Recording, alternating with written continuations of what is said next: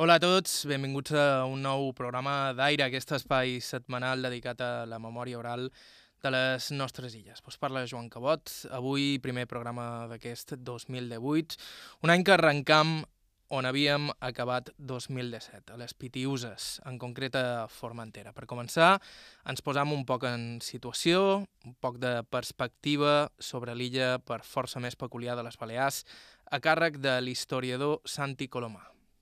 Formentera ha estat una illa molt pobra i ha estat una illa també despoblada durant 300 anys amb base de corsaris nord-africans, la base més important de corsaris del G, que després atacaven Mallorca, Eivissa, Costa Catalana, Costa, És a dir, Costa estava- Valenciana. estava sí, deshabitada. es- des de...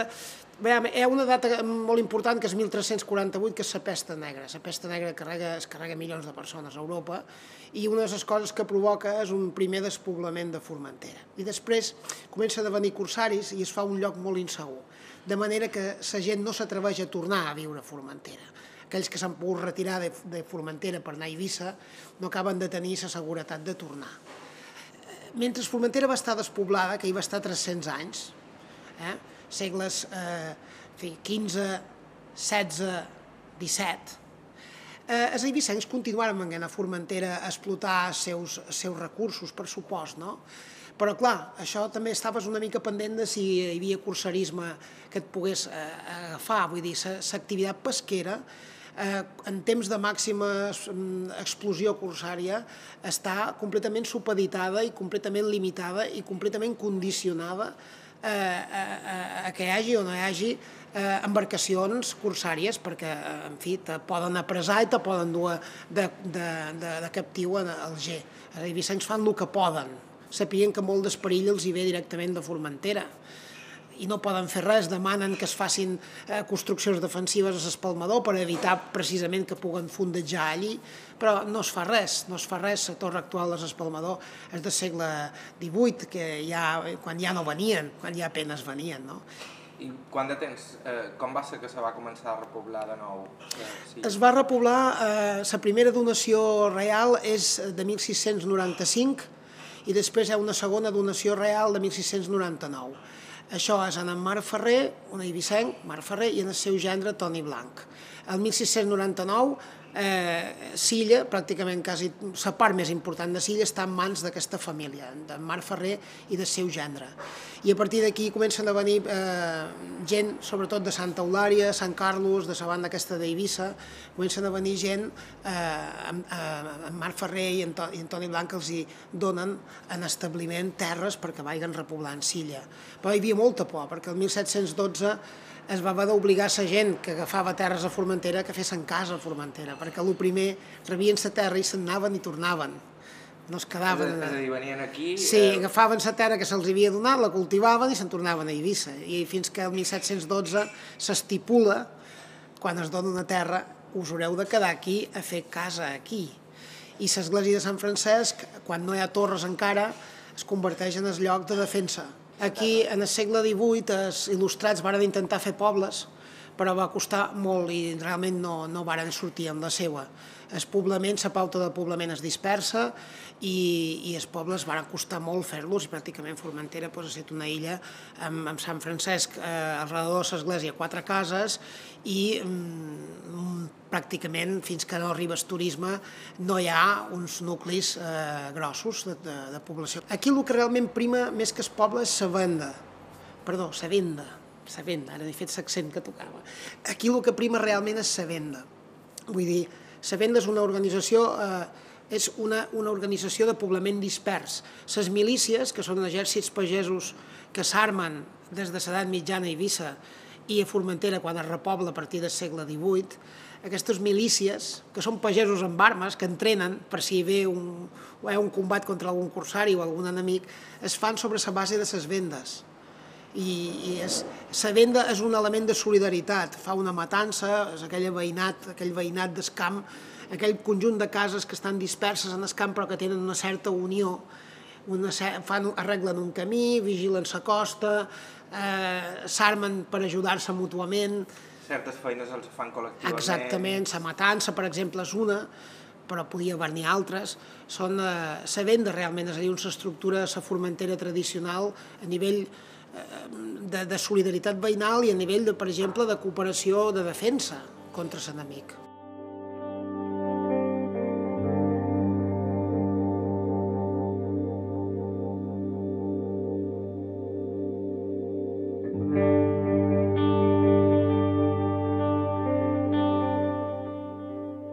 Santi Colomà ens vàrem veure fa unes setmanes després de passar un parell de dies enregistrant entrevistes amb algunes de les persones més majors de Formentera.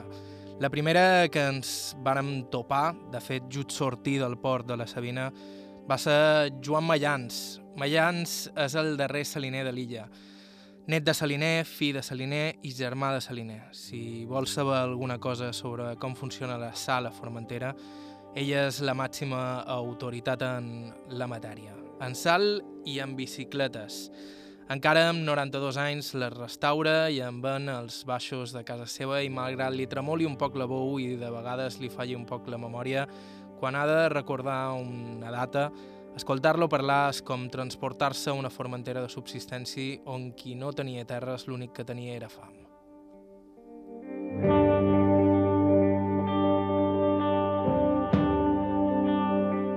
Només hi havia una indústria formentera, si se li pot dir d'aquesta manera, una única feina a jornal, les salines. Avui a Aire sentirem els records de Joan Mayans, però també els d'en Xumeu de Sapunta, també amb 92 anys, amb 90 anys ben passats, que va viure la feina de la sal des de l'altre costat, el del traginer que suava cada quilo que transportava. Abans de començar, però, vos recordam que, a més d'escoltar-nos en directe, vos podeu subscriure a Aire a través d'Apple Podcast i, de més, serveis semblants i que ens podeu escriure a aire.ivetresradio.com. Començam.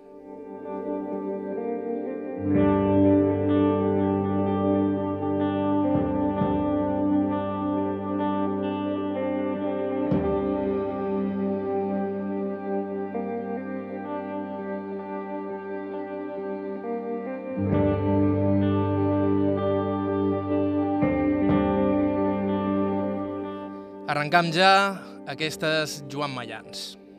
Jo vaig néixer l'any 1000, el dia 13 d'abril de 1000, 1925. A la casa que dona sobre la sequi, aquí, que era propietat de la salinera aquí.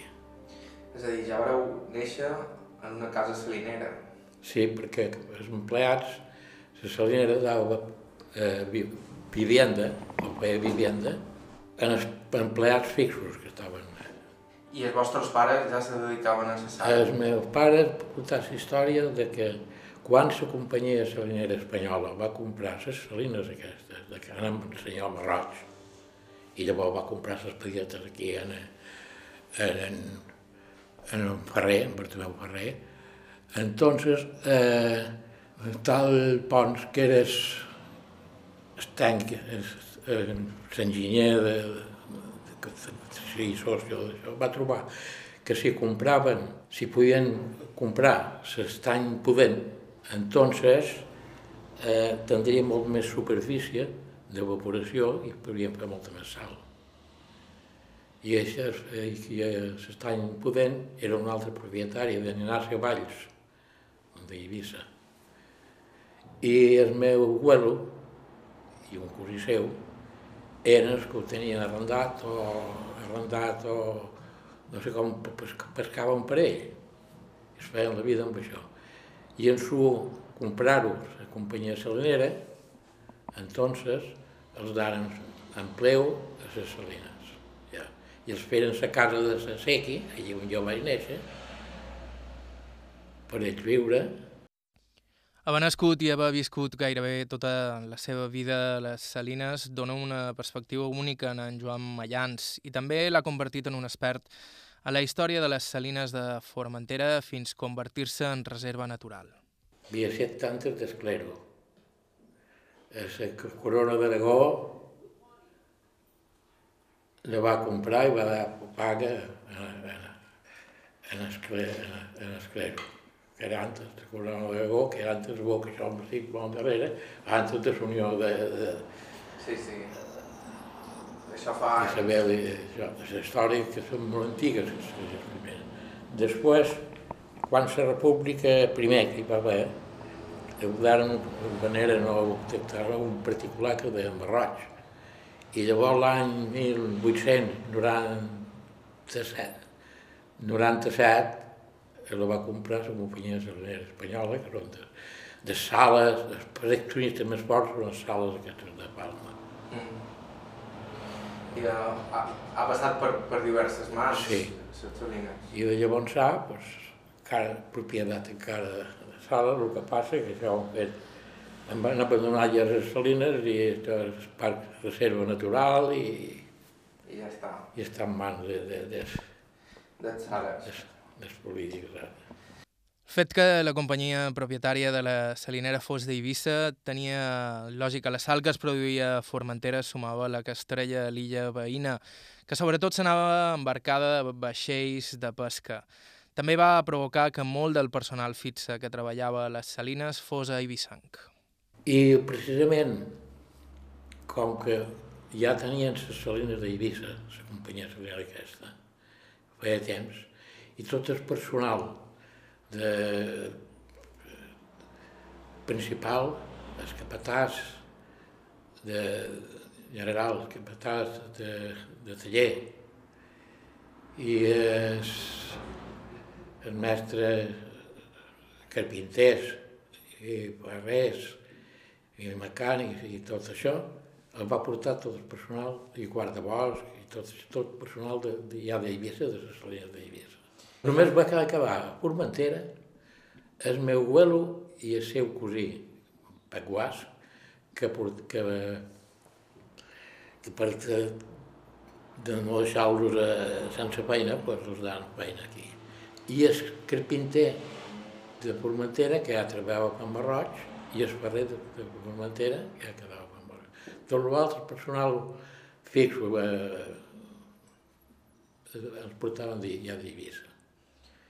I per això va caure molt malament en els formenters, perquè tots els puestos bons eh, els ocupaven aquí, és l'única indústria que hi havia a Formentera. Era l'únic puesto que hi havia feina, una quarantena d'homes fent feina seguit. Hi havia tots els empleats fixos eh, i llavors hi havia una colla de jornalers que tenien feina tots l'any per omplir vagó, per, per carregar la sal i això. I en l'extracció podia venir-hi llavors tot que veies. Basta gent d'Eivissa venia a treure sal de l'escap, com ho treien en aquell temps.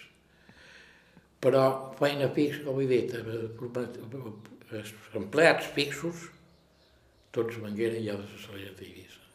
hi quedava malament i tota la vida jo encara record eh, quan quan eh, Segona República i do, que sempre que hi havia eleccions, els, els d'aquí estaven obligats, els de, de les salineres, fixos, estaven obligats eh, a votar la dreta, perquè el senyor Maura, que havia estat, de, era de la companyia de salinera, aquest també, un. I en Maura aquest, pues, saps, havia dit història, que aquest havia estat polític, havia estat president de les Corts, havia estat eh, polític eh, famós en la dreta. I tot, tot Formentera votava a l'esquerra. Tot això que comenta en Joan Mayans, 92 anys i, i fi de Saliners, eh, va tenir les seves conseqüències durant la Guerra Civil. D'això en sentirem a parlar un poc més tard. Però a més de ser de les poques famílies de Formentera que feien feina tot l'any a la sal, la família d'en Joan també era especial per un altre fet. Son pare era mestre. El meu abuelo hi donen feina a la salinera. I el meu pare, que tenia 20 anys, el posaren de mestre d'escola, que ja no hi havia escola a Formentera, i el posaren de mestre d'escola la salinera i li pagava un tant perquè eren 6 duros cada dia, cada, me, cada mes, o, això de paga, i llavors cobrava els perquè ensenyar els lots, els fills dels empleats fixos de la salinera. És a dir, que el vostre pare era, era, era professor, havia estudiat. El meu pare no tenia carrera ninguna, però sabia estudiar i a bon cap i, i, i, i el posaren de mestre aquí. I llavors després també, a part de d'estar el mestre per ensenyar el lot de, de, de, de l'empleat de la salinera, podia agafar tots els, els altres de Formentera que poguessin venir aquí i cobraven en aquell temps de cada lot dos pessetes cada mes. El meu pare havia anat a escola, va començar a anar a escola als 14 anys. En el moment que li deien mestre vell, que feia escola, feia escola de nits, i anava ell i un fill d'un que era faroler, i ten quatre o cinc jovenets que els feia escola. I, i sé que es, diu que es, es mestre li deia, que, que com que tant, va preguntar a un, diu, tu què vols fer? Diu, tant d'interès a venir a l'escola de nits i pagar per l'escola. Diu, jo faroler. El seu pare ja ho era, i l'altre diu, tu què vols fer? Jo volia si puc ser metge. I diu, i diu mon pare, eh, el meu pare, diu, i, i tu què vols ser? Diu, jo, diu, per què tant d'interès? Diu, percebre. Diu, però no vols ser, agafar una carrera? Jo, sí, jo soc un pobre que no, no podia pujar en això.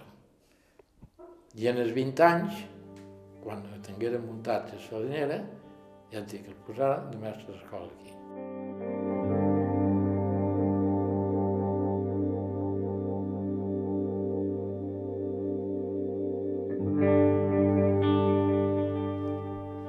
Fem una petita pausa d'aquí uns segons a aire, una cosa que sembla òbvia i no és tant.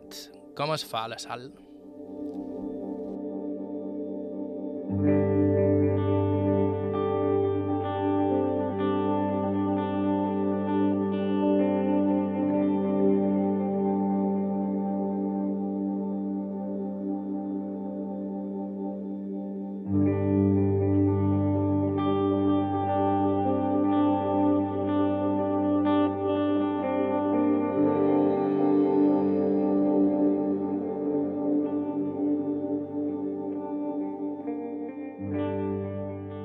A IB3 Ràdio, Aire.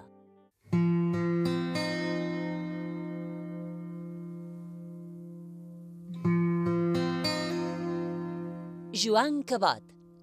Aire.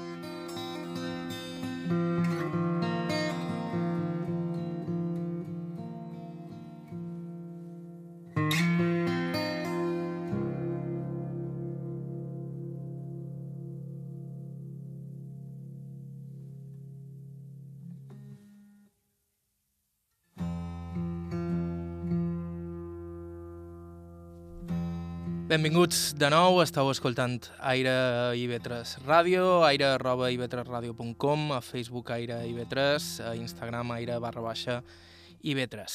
Avui som a Formentera, coneixent de primera mà els secrets de les salines a través dels records de Joan Mayans, 92 anys, i, òbviament, el més vell dels saliners de l'illa. Han conegut la història de com la seva família hi va acabar fent feina i la història mateixa de les salines fins que ell hi va entrar, però ara toca parlar de la matèria prima, de la sal. Abans que ell me'n parlés, el de la sal me semblava bastant més senzill. Poses aigua salada a evaporar i llestos, no? O el manco això suposava. I de no, i sí, més o manco sí, però és més complicat que tot això. Joan Mayans. L'estany pudent era un mar tancat, però va, s'havia obert la sequi aquesta entrada, ja sé si no l'heu vista, que però ja fa molt, de, ja feia segles, això. I, i, i, i entra l'aigua de la mà, i, eh, perquè si no, si no està tancat, té, té un brollador si mateix. Entra l'aigua de la mà i està, l'aigua de la mà té de densitat mirat amb una bon, una mirada de graus, però és, és com es mida és una densitat amb un, que puja, la gradua dins, dins l'aigua, com més salada és, més densitat té, més, més per I va marcat que l'aigua de la mà té 3 graus i mig de sal, considero. Entre l'aigua dins l'estany pudent i l'estany pudent venia a portar les temps que ara no sé com està perquè ningú la mira. Però llavors miraven, si un any estava segons el que ploguia això, però generalment eh, 8 i mig a 9 graus. Ja. Trens, el motor, la roda aquella que hi ha allà baix, de, la màquina, hi havia la màquina d'en Pae, que aquest que, i feien, llavors feren un canal de circunvalació que dona la volta per tot l'estany pudent, dona la volta i ve a passar aquí per la seca i va agafar per les salines de d'allà dins, a Salina Marroig, i va passar per de vora la mà a casa de vora el molí del Marroig. I llavors entra per l'altra banda i així va recorrent i va augmentant de grau. I per quan ja té eh, 15, 16, 17 i 8 graus, molla el, sulfat sulfat de calç, que és guix que aquí per mantenir, cosa que les rines d'Eivissa no, no la mollaria per mantenir, jo crec que ve de, de, de, de l'estany pudent això, perquè les rines d'Eivissa, tots els concentradors seus no tenen, no mollen el guix aquest, el guix és un material que de, diuen això, això sulfat de calç. I, i va posant, passant, passant l'aigua en els concentradors, altres estany, direm, que tenen, deien concentradors, per anar evaporant més i quan ja està en els 25 graus ja llavors comença a estar a punt de començar a mullar la sal, el clorur sòdio, que és la sal. Comprèn? I llavors s'alimenten els cristal·litzadors, que de llum s'alimenta la sal, que permet tot el mèrit de l'evaporació que hi ha. I sempre s'ha de mirar que tingues eh, de graduar els anys cuidado i tenir l'aigua, tenir-ho combinat bé. Això és més pràctica que, que la teòrica de tenir la tècnica la per això. Que si l'estany puja, el cristal·litzador, que està en evaporació per la sal, puja més que de 29 que arriben als 30 graus. Entonces ja molla el clorur, és això, el clorur magnesio, la magnèsia. Tenir cuidado i tenir graduat de manera que pugues tenir l'aigua a punt per quan alimentar, perquè si no la sal, la sal es fa des de com és, 25, dones, el 26 ja passa. Cada setmana, els dilluns, havien de prendre nota a totes les aigües, a tots els estanys, el grau que tenen, començant per l'estany pudent, els, tots els concentradors i els cristal·litzadors, tot el grau que tenien. I passa, i pesa nota, això, i, que, i pesa nota cada dia de si, si plovia, el que, la quantitat que plovia, si feia sol, si feia vent, i, i tot cada, cada dia i cada setmana enviar la nota a Palma. I varia molt també les cuides de sal aquí segons el temps que fa. Un any que plou eh, en primavera o estiu, es cull eh, un poc cuida de sal. I un any que no plou en tot l'any quasi, i en l'estiu no plou mica totes les primavera ni l'estiu, es fa molt més cuida. Aquí a Formentera feien un promave de normalment entre les salines Ferrer, que són les petites d'aquí, que feien uns 3.000 tonelades aquí. I allà, entre tot, a Formentera es feien promedi de 19 a 20.000 tonelades anuals. Tones i tones de sal que després s'havien de traginar. Aquesta era la feina més dura i una de les poques que donava jornals a la gent de Formentera. Com he dit, era una feina duríssima, però era l'única que hi havia. Bueno, al 36 ja uns antes ja entreien una quantitat en la màquina, omplien, però vaja, de, de, de l'escap, totes les sales treien de l'escap, en les places que hi havia, en uns, sobre els estanys, cada banda dels estanys, places. I llavors, durant l'any, en la màquina i vagons, anaven portant-la a la Sabina i es trituradors que hi havia, per la sal, com per la son. I es feia un dipòsit aquí a la, Sabina, i quan venien...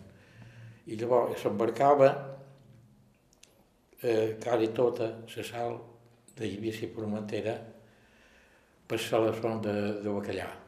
Venien els barcos de, de Dinamarca, Noruega, Holanda i hasta d'Islàndia i tot això a buscar, a buscar sal per saladero del bacallà.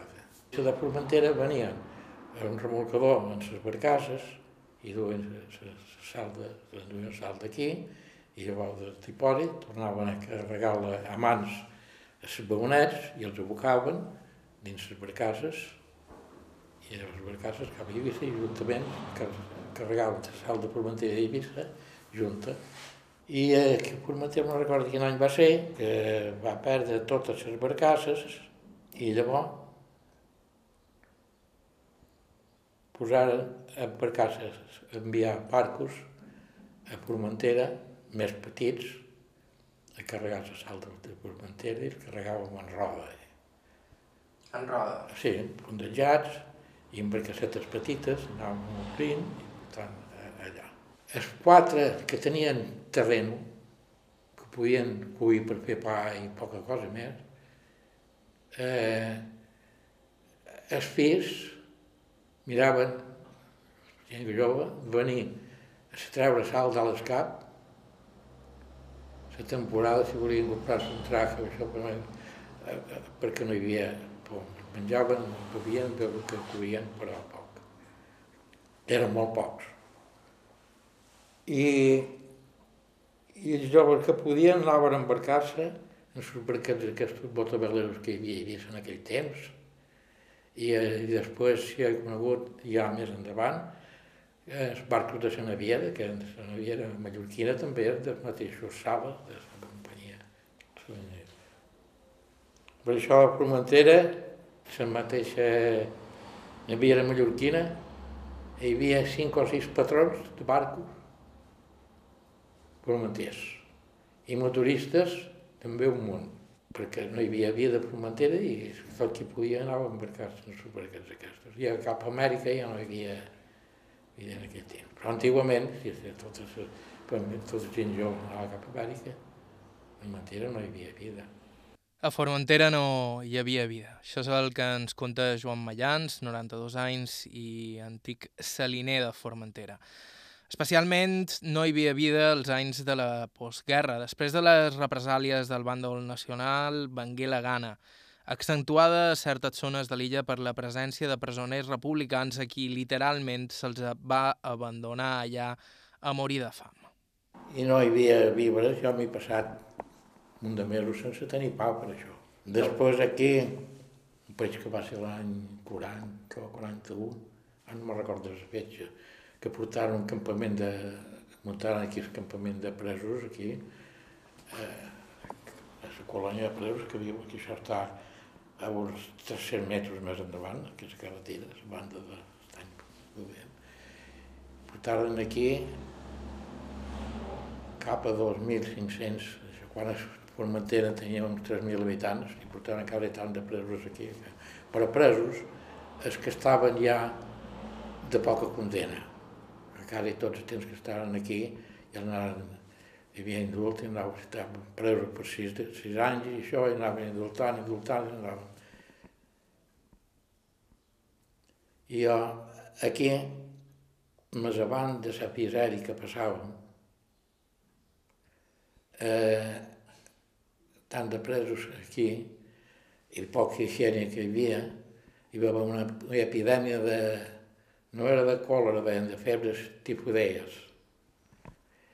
I morien molt de presos i si tota la gent que vivien per redor d'allí i jo, que venien presos a treballar, jo treballava a la ferreria allà, allí, ja. I venien presos a treballar allí.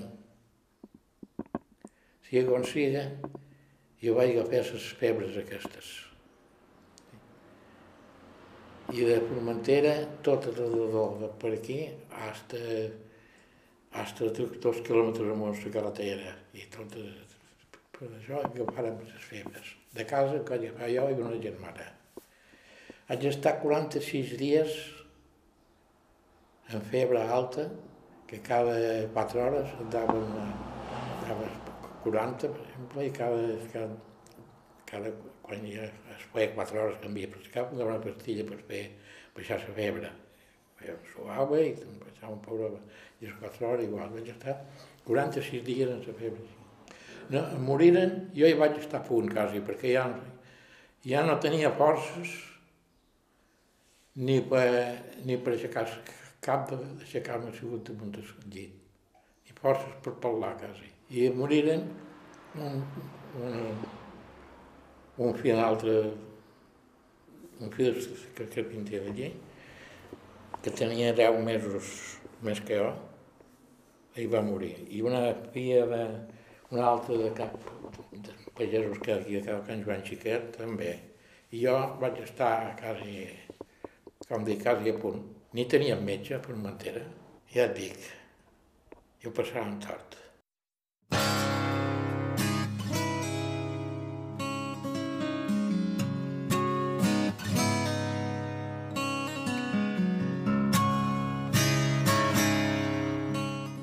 Aquella Formentera, en aquella illa que contrasta radicalment amb l'illa d'avui dia, la sal era un dels pocs recursos per fer quatre sous, encara que fos carregant quilos i quilos fins deixar-s'hi l'esquena.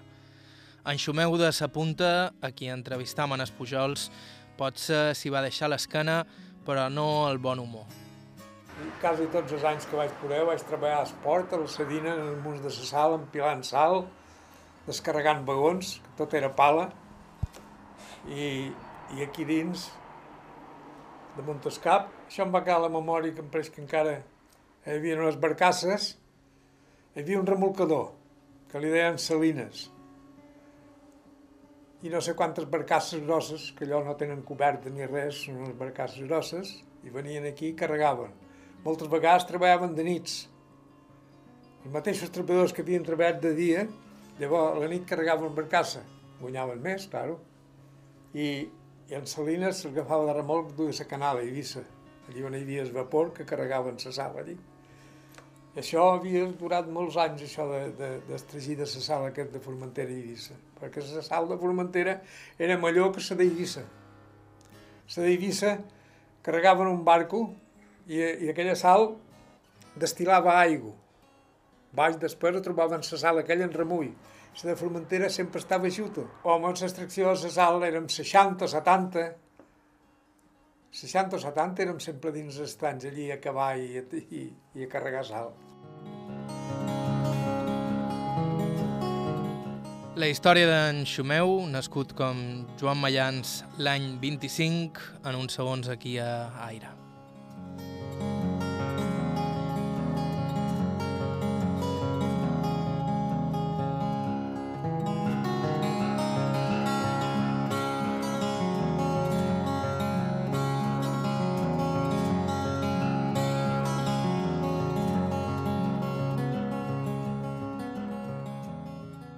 Aire, Joan Cabot. IB3 Ràdio.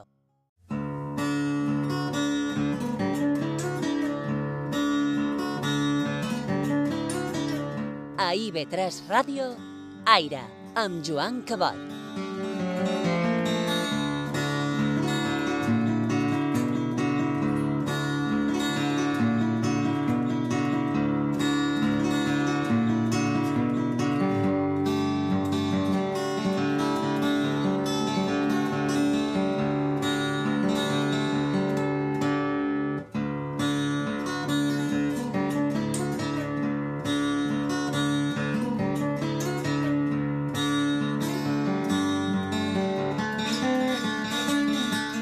Darrer tram del programa d'avui aquí a Aire.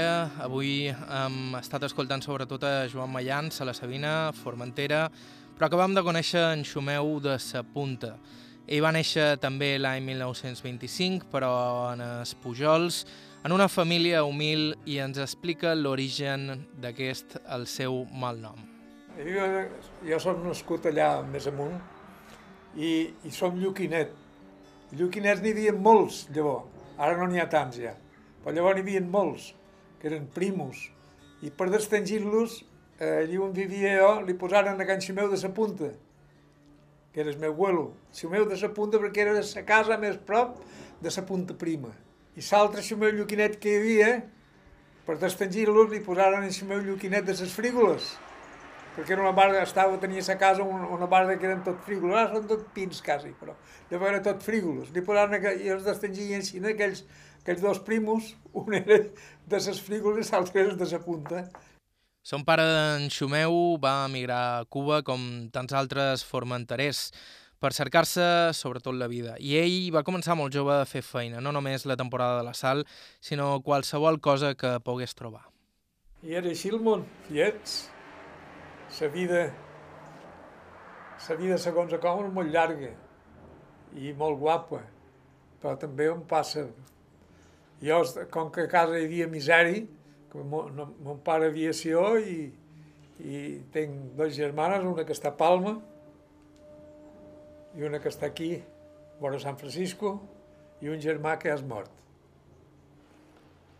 Eh, abundància no havia a casa, i estava a casa d'uns tios meus, que el tia, el tio ja era mort, que tenia una finca molt grossa, i jo era llaurador, llaurava tot, però quan venia el temps de, de batre i tot això, jo havia d'agafar una garba d'aquelles d'un costat i, i venga, i da, mare de Déu, vaig estar-hi dos anys, que estava quasi sempre, i de casa també traien menjar d'allí, hi havia moltes figues, figues seques, figues fresques, moltes metlles, i coses d'aquestes miràvem de viure d'aquella manera. I fet de tot, treballat a la pedrera fent pedres de marès a les pedreres d'aquí de la punta, punta prima. Que allò també era una feina, una feina pesada, pesada, i hem de tenir uns toldos de sac, fèiem uns toldos per poder treballar a sombra allí, eh, regatant per fer les pedres i tot allò, i que regàvem ses, pagàvem un carro i duia les pedres a, a la vora de mà carregaven un llegut els duia cap a Vila. Eh? Tot s'embarcava cap a Eivissa. Poca cosa es feia a Formentera. Era treballadors, teàmeres, no? Sí, sí, sí, sí, sí. Un destrossador, no res de màquina. I un banquet per seure i pam, pam, pam, fèiem unes regates llargues i, i s'emplari de la pedra, llavors arrencàvem, els marès a la punta tenia una espècie de, no sé com explicar-los si ho entenguen, nosaltres dèiem llavanyes, no? Una, uns, uns afegits, una cosa que havia format allò els marès aquells, serena. I allò arrencàvem de palm, gruixos de palm, de mig palm, i d'allò feien ses pedres, una barcada de pedres, eren 40... Una, hi havia una barca que era més grossa que se n'enduia 40 carretades de pedra. Carretades de calalls, unes pedres davant les altres, se n'enduia 40. Però no guanyàvem res. El dia que veiem 100 pessetes, en paper encara pes que els veig. Ens pareixia que havien cobrat una fortuna. A la sala hi vaig anar set anys, set temporades, carregats com a burros. Jo me'n record, no eren tots que aguantaven. Jo no era gaire bravo, però vaig aguantar, no me'n vaig vermentar. Eh? Unes senalles que feien 60 quilos, 50 quilos, eh? un els omplia, allò formaven unes calçades de sal, l'acabàvem i llavors amb uns tirassos, eh, a tirons amb una corda, fèiem les serres aquelles de sal. I, i a una serra d'aquelles, la màquina hi passava per de vora, la màquina que duia la sabina, i, i carregàvem els, els vagons, llinetes per endur sense sal, això les salines d'aquí, i les de la Sabina igual, però més propet a la Sabina. I venga, s'anaves d'altres cap cap dins el vagó, uns darrers dels altres. Si la colla eren de set, doncs érem set de colla. Treballàvem junts, tots, tots a una. I era pesada aquella feina. Jo me'n record que arribava a casa i agafava l'escopeta i m'anava a caçar salpostos. M'anava a caçar els pàtols aquí a l'estany. Eh? I d'allò pot fer un jove, un vell no hi aguanta, em va jeure. És a dir, fe... quantes hores devíeu traginar llavors? Llavors fèiem vuit, sal? vuit hores, Vuit hores. fèiem vuit hores. Encara partir i anar a caçar. Sí, senyor. A l'illa tothom et cercava la vida, si no tenies terres pròpies que et donessin alguna cosa per rovegar, la cosa era ben magra. Llavors feina, no hi havia més que a Formentera la feina de, de l'empresa, de la sal. Llavors, és que feia una casa, un que tenia diners o tenia manya eh, per fer una casa, doncs feia una casa. Però saps que se'n feien de poques de cases. Se'n feien poques, poques, poques. Quan jo vaig fer la casa aquesta aquí, pues, no n'hi havia cap en tots els pujols, més que aquella que hi ha allí a la dreta, que era casa de, del dueño de, de, de, de la platja allà, a Tahití. Aquella. I jo vaig fer aquesta, era la segona casa. Tot allò que hi ha, tot aquest poble, tot això s'ha fet des que estem aquí. Tot. És a dir, no hi havia, no hi havia ni tan sols poble en els Pujols. No, no, res. No dic jo aquella casa d'allí i aquesta. Les altres ja estaven més en fora. Allí on és típic, no sé si hem vist el restaurant típic, d'allí ja hi havia una casa i llavors hi havia una altra i ja hi havia alguna casa per allí. Però més endins no n'hi havia cap. I com era Formentera en aquells anys? Ui. Molt miserable. Ah, N'hi havia que tenien diners, no? Però era miserable. Per, per un home trobar un jornal de feina, cuidado, eh? Cuidado. Que era mal de, de trobar un home que volgués anar a jornal. Hi havia homes que tenien jornal més sovint, com, dic, un mestre de paletes, que feia cases i això. Hi havia dos o tres homes que quasi sempre si es feia una casa, ells eren els mestres. Però no era cada dia que tenien feina, no. No era cada dia que tenien feina, no. Llavors hi havia un que se millor tenia quatre pessetes i, i pagava un home per cavar un tros per sembrar faves o per sembrar patata o el que siga i pagava dos jornals. Eh, Ja estava. Ja estava. No hi havia res.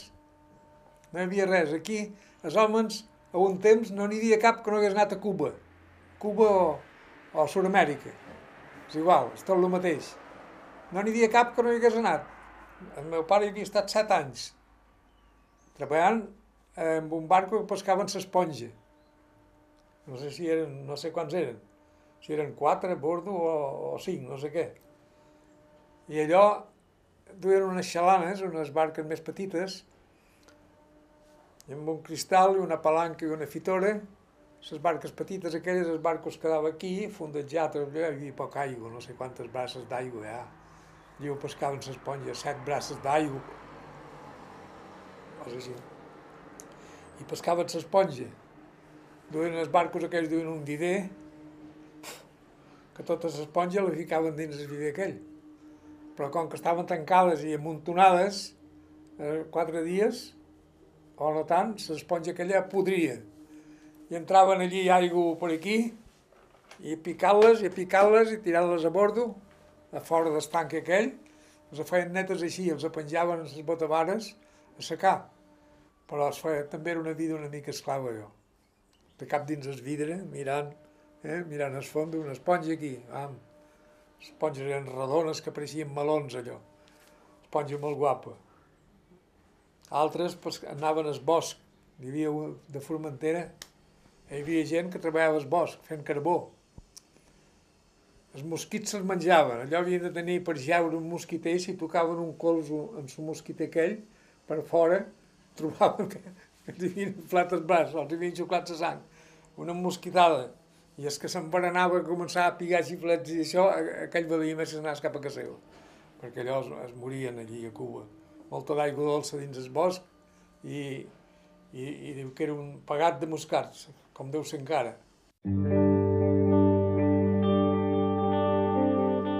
En tot cas, molts no només fugiren a Cuba i Sud-amèrica per la fam, també per la por les represàlies després de la Guerra Civil. Escoltam de nou a Santi Colomà, a qui hem escoltat per obrir el programa avui.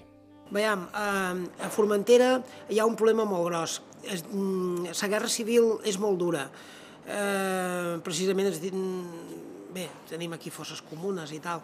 Bueno, aquí hi ha un problema i diferència d'Eivissa. Aquí eh, es, es, vot d'esquerres va ser molt important en la república i hi va haver un moviment de reivindicació laboral, eh, sindical a les salines amb la CNT, que era molt forta. Eh? La CNT, la CNT l'any 36 té 450, 500 afiliats damunt una població, podria ser de 2.000 persones o, o 3.000 persones, ara no sé exactament quan, però és una barbaritat. I a Eivissa, que en canvi la CNT, aquest moviment revolucionari, no hi és. Aquí, eh, el 36, es, es Front Popular només guanya una illa, és a Formentera, com a illa, eh? ni tan sols Menorca, que és l'altra illa amb tradició d'esquerres. Només guanya Formentera. Formentera té un vot d'esquerres i molt fidel. I en la guerra hi va haver mm, un exili molt important, eh, gent que fuig el 36, eh, assassinats, gent afusellada. Doncs la postguerra, a part de Sagana, eh, allà a por. Quan va arribar en Bayo hi va haver tres morts de, del bàndol, del bàndol eh, de, de, de bàndol franquista o del bàndol nacional, com se li vulgui dir. Eh, però jo sempre em quedo amb, una, amb un fet. Eh, els republicans, no és una qüestió estadística, eh? els republicans mataren tres eh, i quan la cosa va canviar i prengueren el eh, comandament, el bàndol nacional, hi va haver eh, 12 afusellats. No és una qüestió de número, en queda amb, una, amb un fet molt important. En Bayo volia afusellar 50 eh, elements de dretes que, es havien, que havien agafat els republicans, els milicians. Els volia matar. I eh, l'esquerra, es va plantar davant d'ell, Bayo, i els hi va dir que no, que aquí no es mataria ningú, i els deixaren, els amullaren a tots. En Bayo els hi va dir, ells, vosaltres els perdoneu, però ells no us perdonaran. I, no sé, profètiques paraules, perquè quan a partir del 20 de setembre les pitiures són controlades pels, pels sublevats, es va desencadenar una, una, una autèntica repressió amb 12 fusellats i barques que fugen de l'estofador i dels pujols cap al G, el Miquel Petit que fuig de, de Camp Marroig fins a Xàbia, hi ha una autèntica diàspora.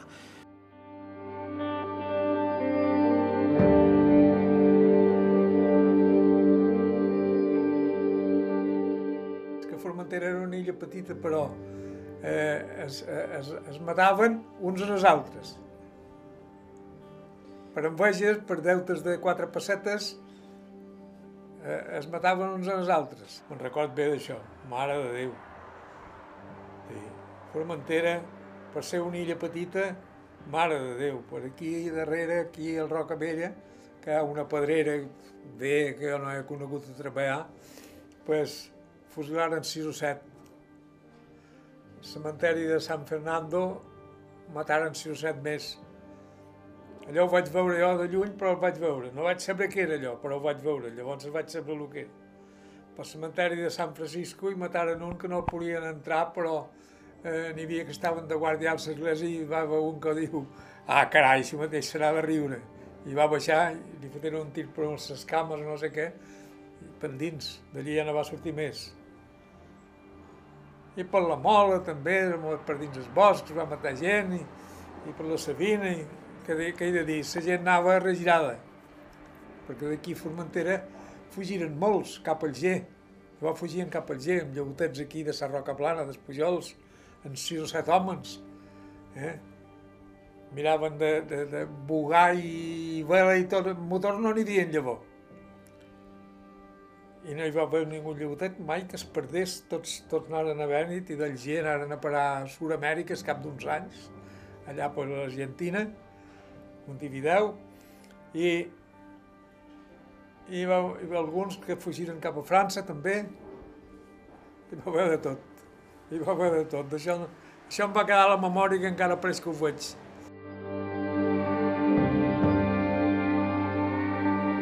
La Guerra Civil a Formentera ha tornat a ser actualitat aquests dies per les tasques d'exhumació de les fosses comuns al cementiri de Sant Ferran. I ens va quedar claríssim aquells dies a l'illa que certes ferides són més fondes en petites comunitats on gairebé tothom es coneix.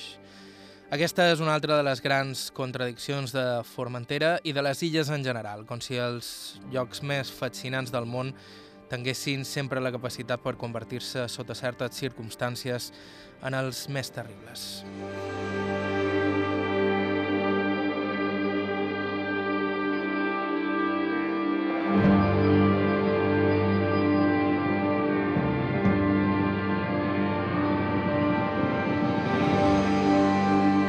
I així arribam al final del programa d'avui. Gràcies a Joan Mallan, Santi Colomà i Xumeu de Sapunta i gràcies a tothom amb qui ens vàrem topar aquells dies per Formentera.